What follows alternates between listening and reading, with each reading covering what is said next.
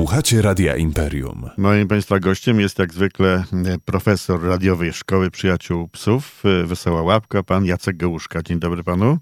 Halo, halo. Tak, tak. Coś pan, coś pan tam klika niepotrzebnie. Tak, oczywiście, jak zwykle e, urządzenia techniczne. Rozumiem. Umówiliśmy się dzisiaj na taki temat.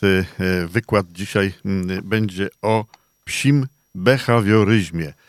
W związku mhm. z tym zadaję pytanie. Kiedy warto pójść do behawiorysty i kto to jest w ogóle behawiorysta?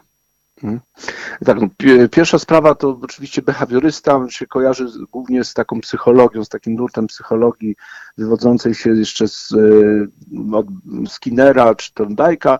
Mianowicie chodziło tam o to, że najbardziej istotne jest to, że możemy wpływać na zachowanie się organizmów, poprzez system wzmocnień lub wygaszeń i e, ten rodzaj reakcji jest wspólny dla wszystkich kręgowców, czyli że niezależnie od tego, czy ktoś jest psem, małpą, człowiekiem, to w ten sam sposób reaguje na podobne bodźce i na tej podstawie możemy modyfikować jego zachowanie. I to był taki klasyczny behawioryzm właśnie w wydaniu Skinnera, który wręcz uważał, że wszystko każdego można nauczyć albo oduczyć, stosując właśnie e, odpowiednie e, bodźce i odpowiednie konsekwencje zachowań. Tak?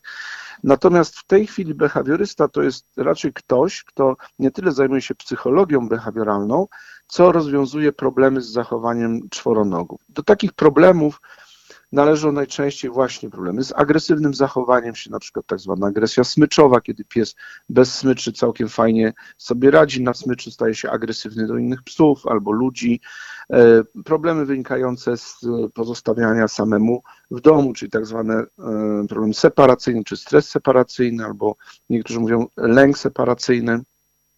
E, problemy związane z e, relacjami z innymi zwierzętami, z innymi psami, czy też e, w relacjach domowych z ludźmi, z dziećmi przede wszystkim, tak? To są wszystko takie problemy, można powiedzieć, psychologiczne problemy psów, z którymi właśnie często właściciele zwracają się do behawiorysty, ponieważ no, dysponuje on metodami, aby po pierwsze ten problem zdiagnozować odpowiednio, po drugie, aby go wy leczyć, jeśli można tak powiedzieć, albo po prostu pomóc go przezwyciężyć. I e, to jest taki jakby naj, najogólniej, czym się zajmuje behawiorysta.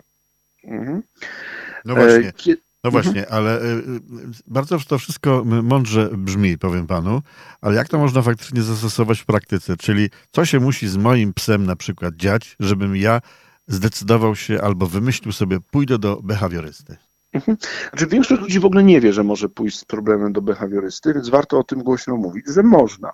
Jeżeli w zachowaniu psa pojawiły się jakieś rzeczy, które nas niepokoją, straszą, prawda, albo dziwią, prawda, nie wiemy dlaczego pies tak robi, dlaczego nagle zaczął się rzucać na nasze dziecko, dlaczego nagle nie wpuszcza kogoś do, do domu, dlaczego e, rzuca się na inne psy czy inne zwierzęta, albo goni sarny w lesie, e, czyli są to jakieś takie zachowania, które nas niepokoją, to właśnie jest to moment, w którym można rozważyć takie pójście do behawiorysty. Również jeżeli pies na przykład sobie robi krzywdę, bo są sytuacje, kiedy na przykład pies sobie odgryza ogon, tak, czy kręci się w kółko, odgryza ogon, albo łapie jakieś niewidoczne muchy, albo goni za cieniami, czyli ma takie zachowania kompulsywne, czyli przymusowe. Więc psy, no, podobnie niestety jak ludzie, przeżywają różnego typu nerwice i różnego typu y, problemy właśnie emocjonalne, a behawiorysta jest po to, żeby mu pomóc.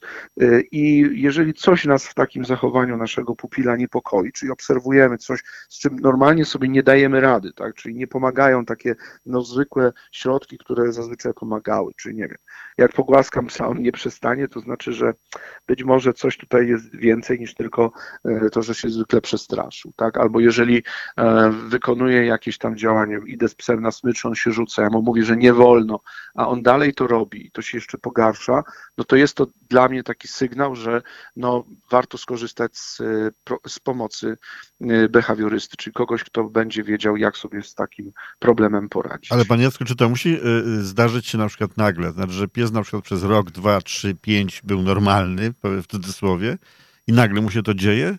Czy, Może... Mhm. no właśnie, i wtedy idziemy do behawiorysty, czy na przykład on zawsze taki był na przykład i, i tak, coś się tak, przyzwyczaił? jeżeli, Tak, jeżeli coś zdarza się nagle, to pierwsze pytanie, jakie behawiorysta zada albo prosi o sprawdzenie, to będzie stan zdrowia psa. Tak, bo często jest tak, że na przykład pies przestaje tolerować dotyk, czyli próbujemy go pogłaskać, od nas gryzie, a jest to spowodowane na przykład tym, że go coś boli. Więc to, te, tego typu rzeczy musimy najpierw wyeliminować. Więc to w przypadkach takich nagłych, tak? Nagła zmiana miejsca zamieszkania, nagła zmiana składu rodziny, yy, coś tam, nie wiem, ktoś sobie sprawił nowego pieska albo kotka i tak dalej. Więc to są wszystko takie nagłe rzeczy. Natomiast rzeczywiście w większości przypadków dzieje się tak, że jakieś zachowanie powoli narasta i ono się buduje u psa nieraz miesiącami, jeśli nie latami, aż przybiera taką formę, której już nie możemy tego tolerować i wtedy, wtedy właśnie prosimy o pomoc. Ja pamiętam taką anegdotę, że y, opowiem, bo to krótka historia, to było tutaj właśnie w Zabrzu, gdzie y, starsza pani była bardzo poważnie gryziona przez labradora do krwi.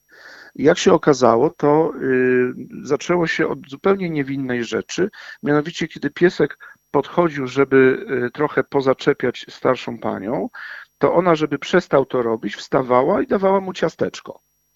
Później, e, kiedy Labrador już dostał ileś razy ciasteczko, no to y, zaczynał bardziej się natarczywie tego domagać. No ale kiedy pani nie reagowała, no to przechodził dalej, czyli na przykład zaczynał delikatnie łapać zębami. No to wtedy pani wstawała, dawała ciasteczko. Później przeszedł od łapania zębami do podgryzania. No i scenariusz się powtarzał, tylko że za każdym razem ta pani reagowała dopiero wtedy, kiedy pies zrobił coś więcej niż dotąd. No i w ten sposób e, to zachowanie zostało pięknie wytrenowane, czy można powiedzieć wzmocnione instrumentalnie. Pies nauczył się, że jak podejdzie i mocno ugryzie, to wtedy być może dostanie ciasteczko. A jak później przestał dostawać ciasteczka, to mu się jeszcze włączyła frustracja, czyli dlaczego nie dajesz mi ciasteczka, skoro y, tak pięknie gryzę? I przeszedł do takiego naprawdę mocnego gryzienia, jeszcze właśnie połączonego z frustracją. Więc jak widać, i takie sytuacje się zdarzają, nie? Więc y, Panie Jacku, a jaki sposób leczy się? Znaczy, jak przebiega proces leczenia? To trwa długo mhm. od momentu, kiedy diagnozujemy na przykład. Jesteśmy już, załóżmy, u tego behawiorysty, on mówi, że jest taki, a nie inny problem i teraz jak to potem się odbywa?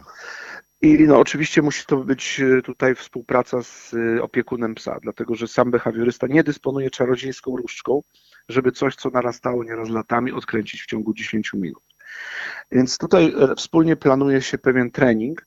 Najczęściej jest to trening związany właśnie z przeciwwarunkowaniem, tak? czyli jeśli pies się nauczył jakiegoś zachowania, no to może się tego oduczyć. I tutaj są takie właśnie techniki, jak na, przykład, na przykład nagradzanie zachowań, które wprost wykluczają to niepożądane. Przykład, żeby nie kręcić się tylko w teorii, jeśli pies na mnie skacze, to jak wracam do domu, to mogę zacząć nagradzać go za siadanie tak? Czyli wtedy nie można równocześnie siedzieć i skakać.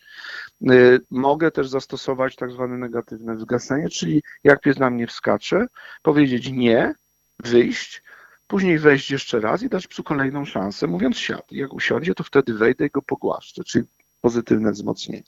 Więc tutaj y, stosujemy cały szereg tego typu procedur, które umożliwiają nam właśnie zmianę tego e, zachowania, oczywiście w taki sposób, żeby no nie, nie skrzywdzić psa, nie zrobić mu krzywdy, nie złamać go w żaden sposób, tylko nauczyć go oczekiwanych zachowań. Czyli odpowiedź e, na pytanie, na ile musimy się przygotować, jaki czas nam to zajmie. No, zazwyczaj, raczej... jest to, zazwyczaj to się liczy w tygodniach i miesiącach, a nie w dniach. Rozumiem. Dzisiaj, Panie Jacku, rozmawialiśmy w naszej szkole yy, yy, przyjaciół psów Wesoła Łapka o behawioryzmie i behawiorystach. Myślę, że będzie wam przekonał w pewnym sensie. Czyli jeżeli, jeżeli czujemy, że coś psem jest nie tak e, od pewnego czasu, to powinniśmy się rozglądnąć za kimś, kto nazywa się behawiorysta psi. Tak należy tak. szukać? Tak. A e, Państwa i moim gościem e, w radiowej szkole przyjaciół psów był pan Jacek Gałuszka. Dziękuję panu bardzo. Dziękuję bardzo. Miłego, miłego dnia. dnia życzę również. Do usłyszenia.